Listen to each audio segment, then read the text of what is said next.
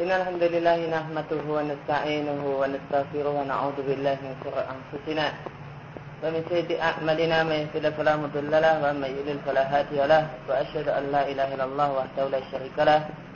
وأشهد أن محمدا عبده ورسوله صلى الله عليه وعلى آله وصحبه وسلم. أما بعد فإن أصدق الحديث كتاب الله وخير الحديث حديث محمد صلى الله عليه وسلم. وشر الأمور محدثاتها. فإن كل محدثة بدعة وكل بدعة ضلالة وكل ضلالة في النار Ikhwafillah yang dilakukan oleh Allah Subhanahu wa taala, masih kita membahas karakter yang kesembilan di antara karakter dan prinsip jahiliyah yaitu menjadikan ulama yang fasik dan ahli ibadah yang bodoh sebagai suri toladan dan panutan. Dalam, dalam penjelasannya dikatakan dan Allah Subhanahu wa taala melarang kita untuk mengikuti ulama yang fasik dan mengikuti ahli ibadah yang sesat. Dan Allah Subhanahu wa taala perintahkan kita untuk mengambil al-haq berdasarkan dalil yaitu dan dalil adalah kitabullah dan sunnah Rasulullah sallallahu alaihi wasallam. Itulah kewajiban kita yaitu mengambil hak mencari al-haq dan mengikuti al-haq berdasarkan dalil. Adapun perkataan ulama adalah alat dan sarana wasilah kita untuk mengetahui al-haq namun bukanlah al-haq. Jika memang perkataan ulama, fatwa ulama tersebut benar karena sesuai dan didukung oleh dalil, maka kita pegangi karena dalilnya. Namun jika tidak sesuai dengan dalil, maka kita tinggalkan karena menyelisih dalil dengan tetap menghormati ulama jika hal tersebut adalah fatwa ulama yang berdasarkan istihad beliau-beliau.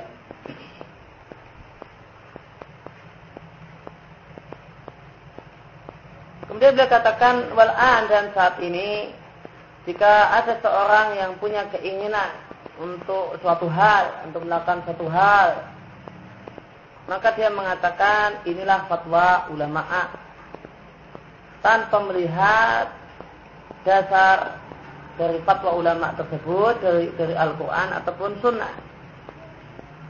Seandainya kita ingatkan orang tersebut yang mengambil fatwa ulama yang keliru, pendapat ulama yang kurang pas, kita katakan hadal fatwa khata, fatwa ulama ini, fatwa Syekh Fulan, fatwa Imam A, Imam B ini kurang tepat, keliru, karena tidak sesuai dengan dalil, karena dalil mengatakan demikian. Maka sebagian orang tersebut mengatakan ma'alaya itu bukan urusanku. Selama ini fatwanya bulan maka saya pegangi. Kenapa? Karena ini sesuai dengan keinginannya, sesuai dengan maksudnya. Akan tetapi jika ternyata fatwa ulama tersebut, ulamanya masih sama. Dan ternyata fatwa ulama tersebut tidak sesuai dengan hawa nafsunya. Maka orang tersebut akan berkomentar, ini adalah fatwa yang tidak benar. Ini adalah fatwa mutasyadidah, fatwa yang keras.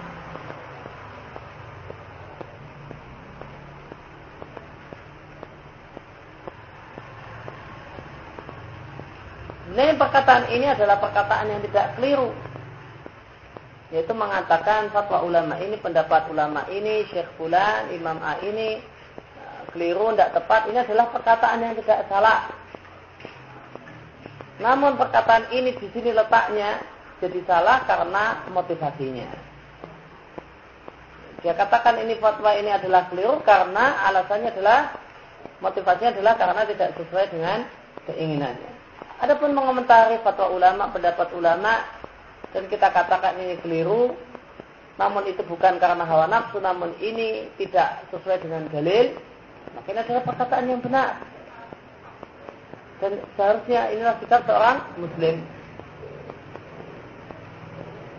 Maka jadilah mereka mengumpulkan ketergelinciran, ketergelinciran dan kesalahan para ulama, lalu mereka kumpulkan dalam satu buku, kemudian disebar-sebarkan ke tengah-tengah manusia dengan alasan ini dalam rangka memberi kelonggaran untuk masyarakat.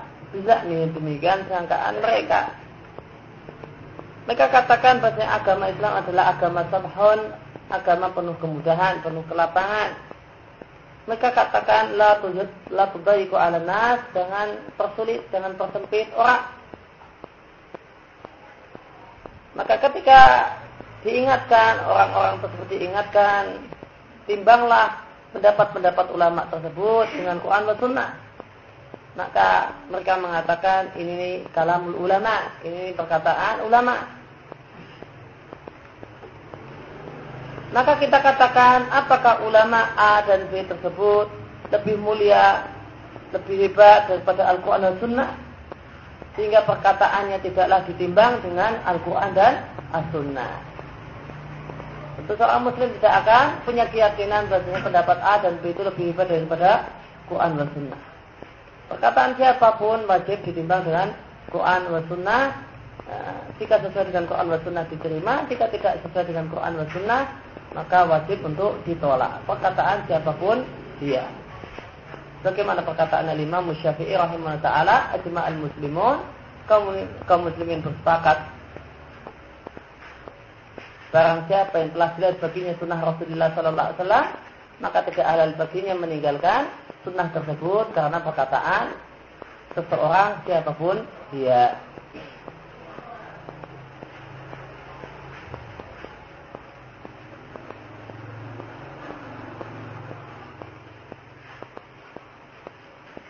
Kemudian beliau katakan ini hanyalah dilakukan oleh ahlul ahwa, oleh orang-orang yang memperturutkan hawa nafsu. Wal. Inilah orang-orang yang menjadikan ulama-ulama mereka dan ibadah-ibadah mereka sebagai Tuhan-Tuhan selain Allah Subhanahu wa taala. Ketika perkataan ulama tidaklah ditimbang dengan Quran dan Sunnah, maka ini adalah prinsipnya orang-orang yang mempertuhankan ulama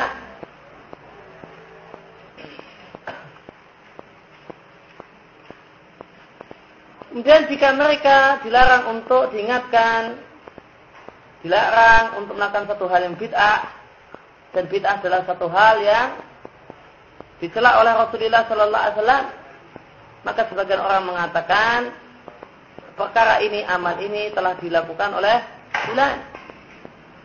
Dan dia adalah seorang ulama atau dia seorang yang saleh atau dikatakan bahasanya ini adalah amal yang ada di yang dilakukan oleh penduduk negeri bulan dan di sisi mereka kesolehan dan takwa. Maka kita katakan bahasanya soleh dan takwa tidaklah mencukupi. La buddha harus apakah itu sesuai dengan kitab sunnah ataukah tidak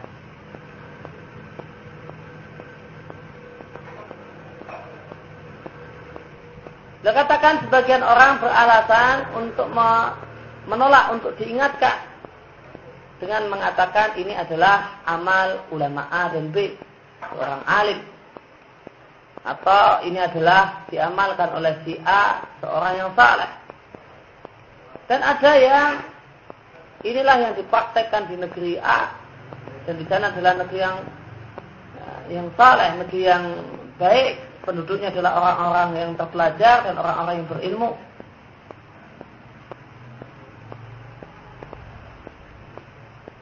Maka ini adalah prinsip yang keliru. Adalah prinsip yang keliru. Semua itu semua bukanlah dalil. Itu semua bukanlah dasar itu semua bukanlah hujah. Hujah adalah dalil adalah Alkitab Sunnah. Sebagian orang punya punya prinsip. Dia tinggalkan taklid kepada uh, A dan B namun dia punya taklid yang baru. Ada orang taklid dengan Saudi. Oh kalau ini ada di Saudi maka kenapa demikian? Oh ini ada di Saudi. Maka seakan-akan apa yang ada di Saudi sebenarnya adalah al-haq Inilah yang dipaksakan oleh di Saudi dan di Saudi mereka adalah orang-orang soleh ini Pak. apa yang dipraktekkan di di negeri A dan B itu bukanlah jaminan dan tolak ukur kebenaran. Maka orang ini meninggalkan satu taklid namun masuk pada taklid yang lain. Dia tinggalkan satu jenis taklid namun dia berpindah pada taklid yang lain. Ini satu hal yang keliru. Ada sebagian orang yang meninggalkan satu taklid dan terjun dalam taklid yang lain. Inilah yang dipraktekkan di ma'had A, ma'had B. Inilah yang dipraktekkan di masjid A, di masjid B. Orang-orangnya di sana orang-orang yang berilmu, orang-orang yang tahu agama. Kita katakan ini bukan hujah. Ini bukan hujah, ini ini bukan dalil. Tidak pernah ini jadi dalil. Dalil adalah Quran dan Sunnah. Apakah itu sesuai dengan Quran dan Sunnah ataukah itu tidak sesuai dengan Quran dan Sunnah? Maka maka ini adalah keluar dari satu taklid dan masuk pada taklid yang lain. Orang tersebut semangat meninggalkan satu jenis taklid, namun ternyata prakteknya dia taklid pada dia masuk terjerumus dan terperangkap dalam taklid jenis yang lain. Maka itu semua adalah satu hal yang tidak benar dalam beragama. Maka tolak ukur kebenaran bukanlah inilah praktek dan inilah yang diamalkan oleh bulan, oleh si A dan si B. Inilah yang dipraktekkan di negeri ini, di negeri A, di negeri B. Dan bukanlah tolak ukurnya adalah inilah yang dipraktekkan di komunitas ini dan komunitas itu. Itu semua bukan dalil. Adapun itu jika itu semua jadikan tolak ukur kebenaran maka ketahuilah inilah taklid. Maka jika engkau mendengung-dengungkan taklid namun sikapmu prakteknya seperti ini maka ini namanya keluar dari mulut singa masuk ke mulut buaya. Artinya meninggalkan satu jenis bahaya masuk ke dalam jenis bahaya yang lain. Ini artinya meninggalkan satu jenis taklid menuju taklid yang lain. Sebagian orang meninggalkan taklid dengan al-imah al-imah kudama, para ulama-ulama terdahulu, Imam Syafi'i dan para Imam Ahmad dan yang lainnya. Dan terjemus dengan taklid kepada ulama muasirin, pada ulama-ulama sekarang. Demikian fanatiknya dia melihat kalau ini adalah fatwa Syekh Nubas, ini fatwa Ibnu Zaimin atau ini fatwanya Al-Albani, maka sudah intah ala ra'sul ain. Nah, ini akan kita terima bulat-bulat. Nah, tanpa melihat dalilnya dari kitab sunnah. Dari kitab sunnah. Maka ini satu namanya meninggalkan satu jenis taklid menuju dan membuat taklid yang lain. Padahal para ulama muasirin tersebut yang kita yang di ya, ditakuti oleh sebagian orang yang berlebih-lebihan dan menempatkan beliau-beliau lebih dari posisinya mengajari kita untuk tidak taklid dan dalam beragama adalah berdasarkan dalil Non itulah realita yang kita jam, uh, kita dapati dan kita jumpai di sebagian orang. Gurunya ngajar untuk tidak taklid, namun ternyata hasil didikannya malah muridnya malah ahli taklid syekhnya, ulamanya mengajarkan dan mengingatkan untuk tidak taklid. Namun orang yang terdidik dengan perkataan beliau, ya, dengan eh, pelajaran-pelajaran uh, beliau malah terdidik jadi taklid. Maka satu hal yang patut kita perhatikan, ketika kita bahas taklid, maka jangan uh, janganlah ini pelajaran ini dan kita tujukan pada orang-orang tertentu tanpa menjadi bahan introspeksi untuk kita sendiri. Yang namanya larang taklid itu berlaku untuk umum siapa pun. Baik dia yang menisbatkan kepada sunnah, yang sudah mengenal sunnah, nah, yang paham bagaimana keajaran sesuai dengan sunnah, ataukah yang tidak, semuanya berlaku umum. Siapa pun. Baik dia yang sudah paham, mengerti bagaimanakah beragama yang benar, metode beragama yang benar, ataukah tidak, maka peringatan ulama tentang bahaya taklid itu berlaku untuk semua. Jangan ditempatkan, oh, ini untuk manusia-manusia jenis itu sehingga kita aman, kita bebas. Ini satu hal yang tidak benar. Lihat perkataan beliau terakhir dari perkataan setelah Al Fauzan. Habibullah Ta'ala satu perkataan yang sangat menarik yang patut kita kita camkan bersama. Maka mengambil perkataan ulama atau perkataan ahli ibadah dan dijadikan sebagai qadiyah musallama, sebagai hukum. Qadiyah disemaknai hukum. Sebagai satu hukum musallama ya, ya tidak bisa dibantahkan. Dan sudah tidak tidak boleh dikritisi, tidak boleh di, ditelaah dan dibahas. Diterima mentah-mentah, tuna ardin ala kitab sunnah tanpa ditimbang dengan kitab sunnah. Ingat, dia tarikatu ahli jahiliyah. Inilah metode beragamanya orang-orang jahiliyah. Dan inilah metode yang ditempuh oleh orang-orang yang menjadikan para ulama mereka dan ahli ibadah mereka sebagai rob-rob, sebagai sesembahan selain Allah Subhanahu wa taala. Maka prinsip bahasanya jika itu perkataan ulama perkataan orang yang saleh, maka hukum dan fatwanya maka akan diterima mentah-mentah. Dalam bahasa Arabnya ala ra'sil wal ain.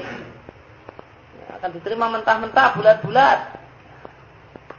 Tanpa perlu ditimbang dengan kitab sunnah, maka ini adalah tarikatu ahli jahiliyah.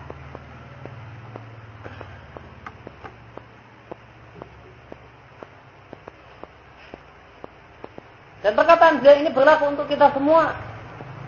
Dan tidak hanya berlaku dan tidak boleh dan tidaklah ditujukan pada uh, orang-orang tertentu atau komunitas-komunitas tertentu. Semuanya, semua yang punya sifat semacam ini, yaitu mengambil perkataan ulama tanpa mau tahu dan tanpa menimbangnya, tanpa menelaahnya, tanpa mengkritisinya, dan tanpa membandingkannya dengan kitab sunnah. Namun kalau ini perkataan ulama maka diterima mentah-mentah, uh, bulat-bulat, lonjong-lonjong, maka ini adalah tarikatu ahli jahiliyah. Ini bukanlah tarikatu salafus salah ya dalam beragama. Ini adalah tarikah ahli jahiliyah.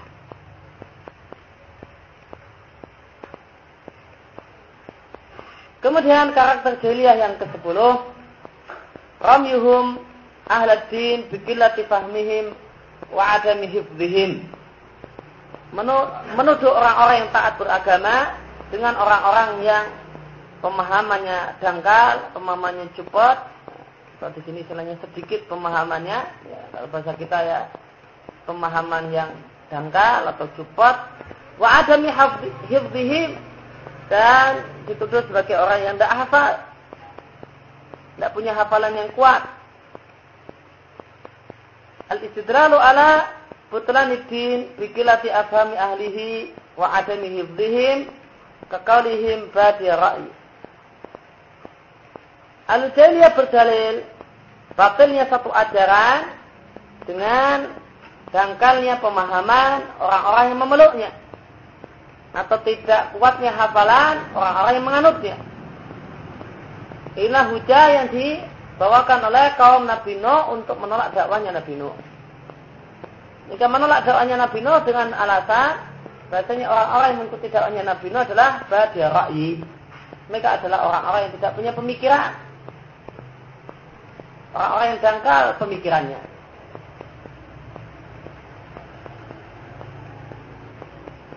Penjelasannya di antara yang Allah sebutkan berkaitan dengan ucapan kaum Nabi Nuh. Ucapan kaum Nabi Nuh menolak dakwah Nabi Nuh dengan mengatakan Taba'aka hum aradiluna. Dan kami tidaklah melihatmu, melihat orang-orang yang mengikutimu kecuali mereka adalah aradiluna, orang-orang yang hina di antara kami. Eh apa? Orang-orang yang lemah di antara kami. Orang-orang yang tidak punya kedudukan di antara kami. Badia ra'i dan dia dan mereka adalah orang-orang yang dangkal pemahamannya. Yang dimaksud berarti ra'i ay alladzina laisa indahum fahmun. Orang yang tidak memiliki pemahaman yang mendalam. Maka mereka mencela para pengikut para rasul dengan mereka katakan bahasanya pengikut para rasul itu tidak memiliki pemahaman dan tidak memiliki kecerdasan untuk memikirkan berbagai hal dan mereka tidaklah memiliki bu'dun nazar, pemikiran jauh ke depan.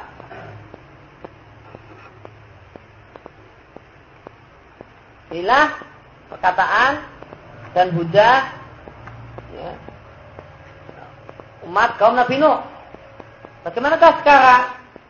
Jika kita bandingkan dengan keadaan sekarang, maka dijelaskan oleh sesalah Ta'ala dan inilah perkara yang dibangga-banggakan oleh banyak dari orang-orang fasik dan musuh-musuh Allah pada hari ini.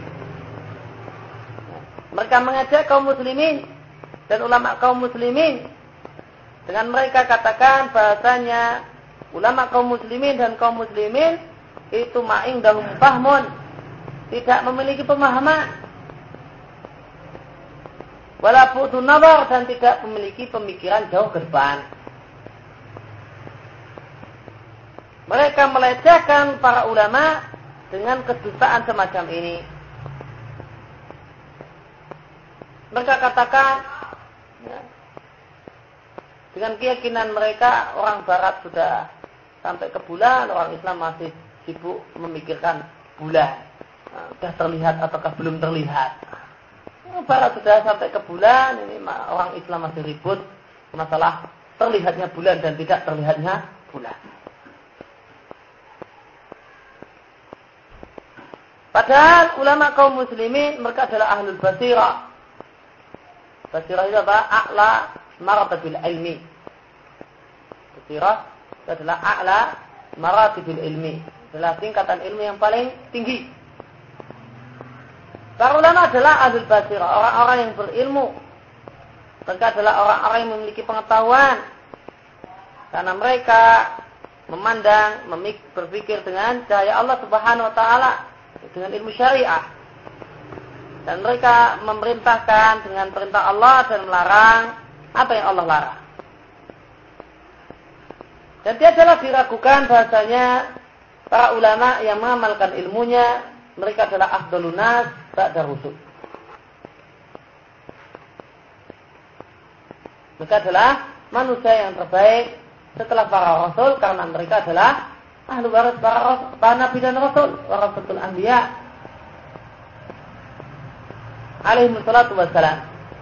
Dan Nabi Shallallahu Alaihi Wasallam mengatakan dalam satu hadis bahasanya fadl alim keunggulan seorang yang berilmu tentang agama ini dibandingkan al-abid seorang yang gemar beribadah namun kurang berilmu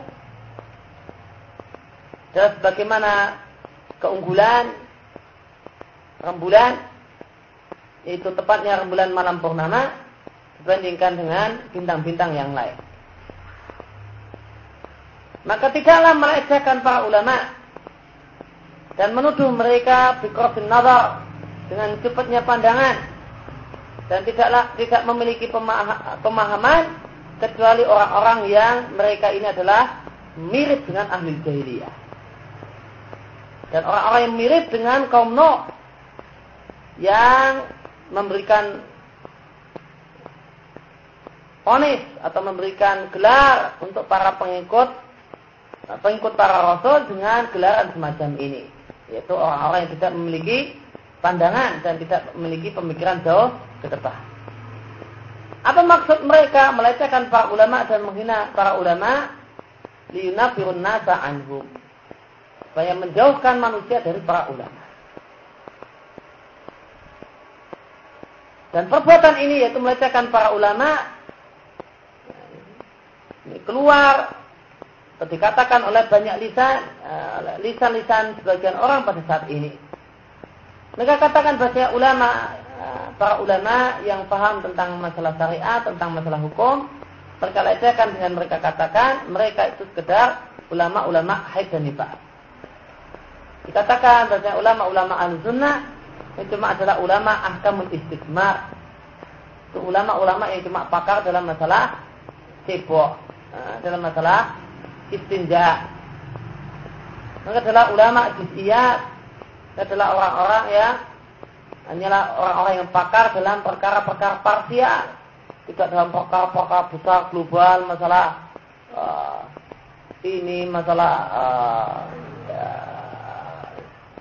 ya, ini mereka maksudkan dengan perkara besar dalam perkara politik. Atau mereka katakan bahasanya Para ulama ahli sunnah tersebut adalah orang-orang yang tidak paham fikul wakil. pemahaman terhadap realitas yang ada.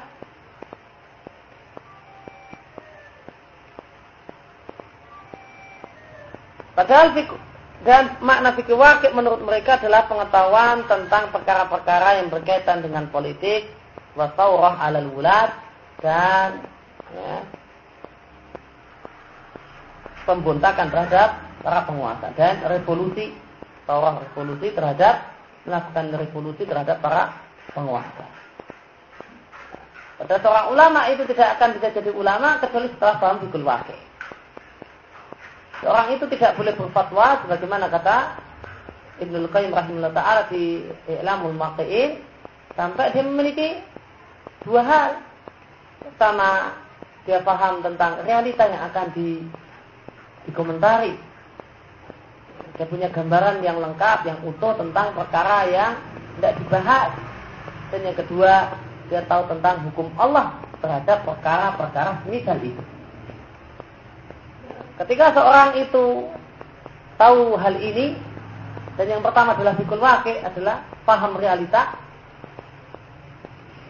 Kemudian dia paham tentang hukum Allah terhadap realita, baru boleh seorang itu berkomentar, baru, baru boleh seorang itu, seorang ulama itu berfatwa. Adapun tanpa dua hal ini maka tidak diperkenankan seorang itu untuk berfatwa dan berkomentar.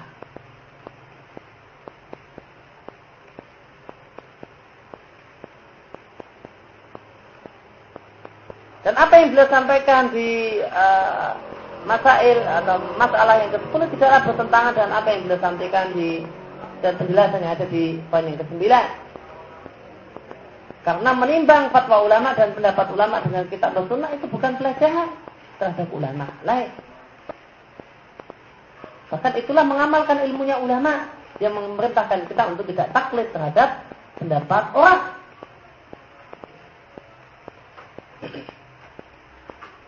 Maka mengkritisi pendapat ulama dan menimbang pendapat ulama dengan kitab dan sunnah dengan tetap menjaga adab terhadap mereka dan menghormati uh, pendapat mereka yang keliru dan tidak menghina mereka kepribadi, uh, fatwanya dan uh, kepribadiannya maka itu bukanlah uh, termasuk melecehkan ulama. Adapun orang yang lain dengan orang yang menghina para ulama dengan mengatakan mereka adalah orang yang cuma paham masalah ayat nifas, paham masalah istinja, masalah cebok, pinternya yang lain tidak pinter. Nah, itu lain masalah. Nah, sebagian orang tidak bisa membedakan hal ini. Menganggap bahasanya mengkritisi pendapat dan fatwa ulama itu berarti melecehkan ulama. Ini satu hal ya. Ini perkataan mukallidin ini perkataan ahli taklid. Perkataan orang-orang yang taklid, mereka ketika tokohnya dikritisi, maka dia dia tuduh orang yang mengkritisi uh, ulamanya atau gurunya atau syekhnya tersebut, dia, dia katakan kamu melecehkan ulama. Jadi ada orang mengkritisi Imam Syafi'i yang keliru dalam satu masalah, padahal dengan tetap menjaga adab dalam berkata-kata, katakan kamu merendahkan ulama ini, ini perkataan ahlu taklid. Tidak bisa membedakan antara melecehkan ulama dan tidak taklid dengan ulama. Tidak bisa membedakan antara menghina ulama dan e, menimbang perkataan ulama dan menerima perkataan ulama jika sesuai dengan dalil dan tidak menerima pendapat ulama jika tidak bertentangan dengan dalil.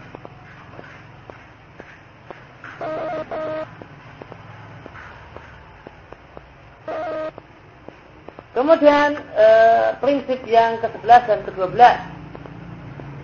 Prinsip yang ke-11 adalah iktimadum alal qiyasul fasid. Di antara prinsip alijalia adalah berpegangan, bertolak ukur dengan analog yang rusak. Analog yang tidak benar. Dan prinsip yang ke-12 adalah wa ingkarul qiyasus sahih dan mengingkari kias dan analog yang benar.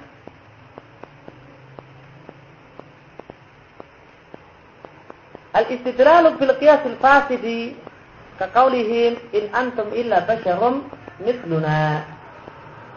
Di antara prinsip al-jahiliyah adalah berdalil namun dengan kias yang rusak. Macam ucapan orang-orang kafir, mereka tidak mau beriman pada Rasul, mereka kemudian menggunakan kias. In antum ila basyarum misluna. Tidaklah kamu kecuali manusia semisal kami. Kamu, anda dan kami, kata orang-orang kafir ini sama-sama manusia. Kenapa kami harus taat pada anda? Anda manusia, saya manusia. Kenapa harus taat kepada sama-sama manusia? Kenapa harus taat? Maka mereka menolak untuk beriman dengan alasan kias. Ini disebut dengan kias jabah. Ini disebut dengan kias jabah. Tiap kias kemiripan. Saya dengan kamu kan mirip sama-sama manusia. Wa ingkarul kias sahih dan mereka mengingkari kias yang benar. Kias yang benar mengatakan sama-sama manusia itu kan tingkatannya bermacam-macam. Manusia itu ada manusia yang pintar, manusia yang enggak pintar, manusia bodoh, ada yang manusia pintar. Ya orang bodoh itu ikut sama orang yang pintar. Orang yang enggak ngerti itu ya manut sama orang yang ngerti. Tentu enggak, enggak memang sama-sama manusia, sama-sama makan nasi, sama-sama bernapas, namun lain kualitas. Jangan kemudian uh, dan disamakan secara total. Maka kias yang benar mengatakan bahasanya manusia sama-sama manusia itu dibedakan antara manusia yang berilmu dan manusia yang tidak berilmu. Manusia yang dapat wahyu dengan manusia yang tidak dapat wahyu lain. Manusia yang dapat wahyu setiap hari, setiap saat. Dengan manusia yang tidak dapat wahyu tentu statusnya harus berbeda. Nah karena itu kita wajib taat pada Rasul. Karena Rasul dapat wahyu. Sedangkan yang lain tidak. Hadza wa ma qablahu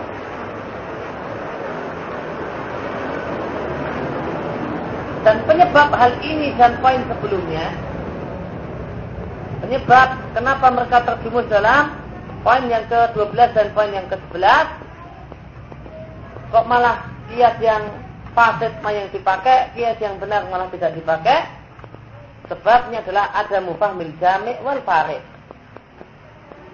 Adalah karena tidak paham mana yang sama dan mana yang tidak sama.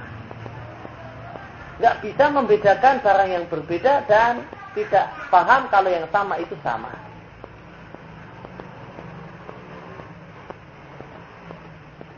Ya, penjelasannya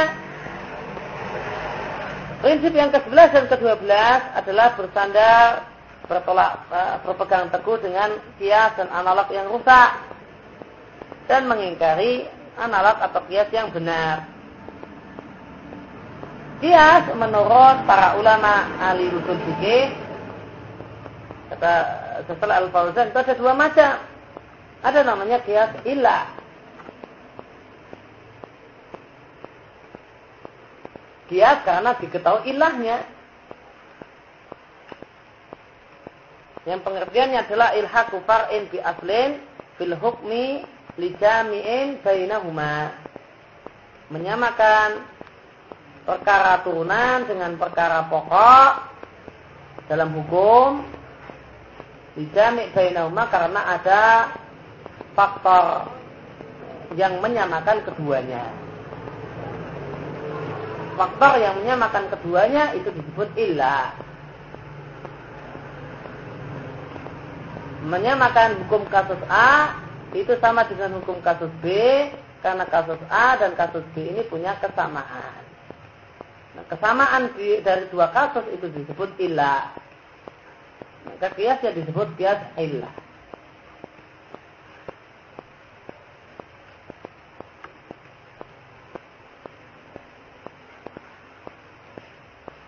Fadiqtala maka jika rusak salah satu syaratnya atau tidak terpenuhi salah satu syaratnya, maka kias itu disebut kias yang fasid.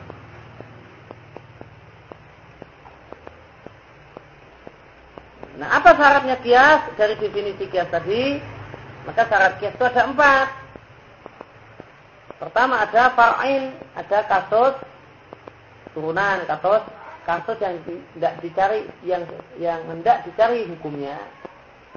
Kemudian yang kedua aslun yaitu kasus yang sudah punya hukum. Kemudian al hukmu adanya hukum pada kasus eh, pada kasus pokok. Kemudian yang keempat jamik bainahuma. Faktor yang menyatukan antara dua kasus tersebut atau disebut ilah. Maka satu kias, satu analog itu adalah kias yang benar jika empat rukun atau empat syarat kias ini ada. Ada kasus yang sudah punya hukum dari Quran dan Sunnah. Kasus A. Ada kasus B yang baru muncul di zaman ini sehingga tidak ada hukumnya dari Quran dan Sunnah secara tegas. Kemudian kasus A tadi ada hukumnya, ada dalil dari Quran dan Sunnah yang menunjukkan hukumnya demikian. Kemudian di kasus A ini terdapat satu faktor yang yang kita temukan sama persis dengan di kasus B. Nah inilah ilah. Maka beliau katakan jika salah satu syaratnya tidak terpenuhi, maka kias itu disebut kias yang rusak. Layuk tamat layuk tamadu alaihi tidak bisa jadikan pegangan, tidak bisa jadikan tolak ukur untuk menetapkan hukum.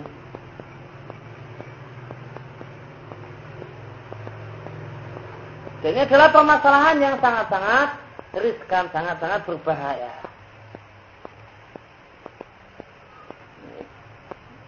Berdalil dengan kias itu permasalahan yang sangat-sangat berbahaya riskan kalau orang itu bukanlah orang yang berilmu maka nanti kiasnya mesti ngawur oleh karena itu Ibnu Qayyim mengatakan aktaru dolalin nas innama huwa bisababil qiyasil fasidi mayoritas sesatnya manusia itu gara-garanya disebabkan ya, dia memakai kias dan kiasnya itu tidak lihat-lihat ya. dia memakai analog dan kiasnya ini ya, namun kias yang fasik. Dan orang yang pertama kali melakukan kias yang fasik adalah iblis. Ketika Allah perintahkan untuk bersujud pada Adam, iblis mengatakan anak khairun minhu. Aku lebih baik daripada Adam. Apa dalilnya? Kolak tani min narin wa kolak tahu min Karena engkau ciptakan aku dari api dan engkau ya Allah ciptakan dia dari tanah.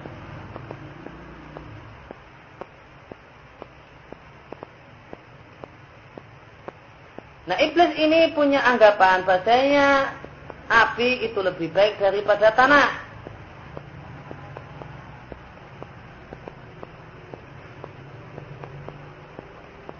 Maka iblis lebih baik daripada Adam. Maka kasus asalnya adalah kasus asalnya adalah api lebih baik daripada tanah. Kasus yang tidak dicari hukumnya adalah iblis dengan Adam hukumnya namun hukumnya ini buatan iblis sendiri.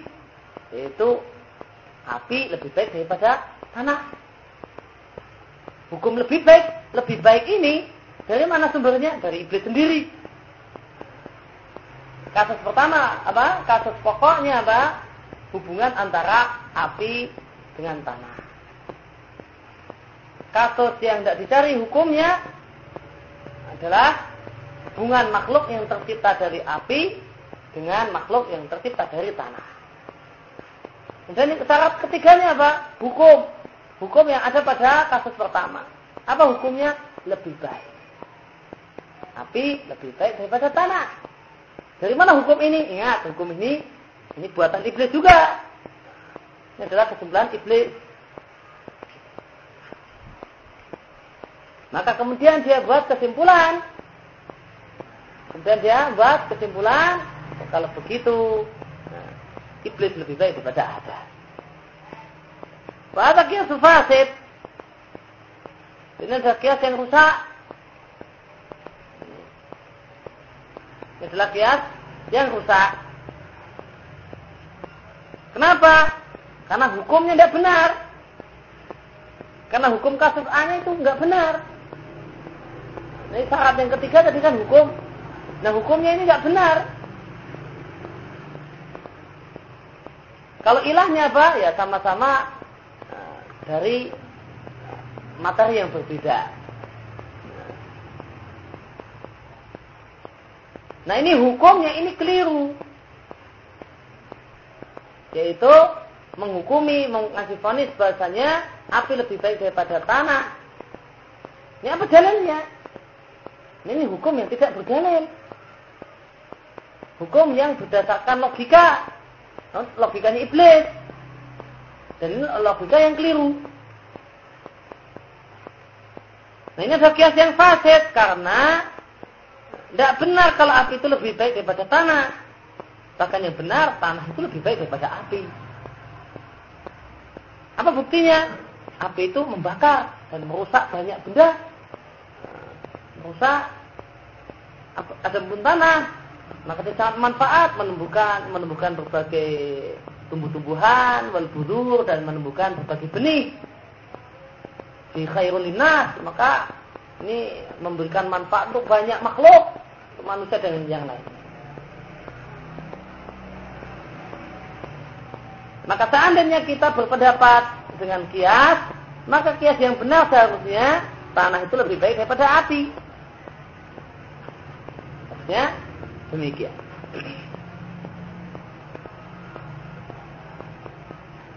Maka hukumnya iblis bahasanya api itu lebih baik daripada tanah itu satu hal yang bermasalah. Terdapat banyak bukti yang menunjukkan bahwa tanah itu malah lebih baik daripada api.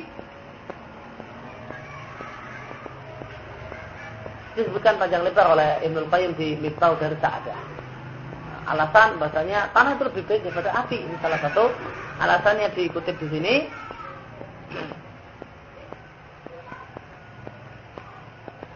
Yaitu api itu malah merusak, tanah itu ya, malah memberikan memberikan manfaat.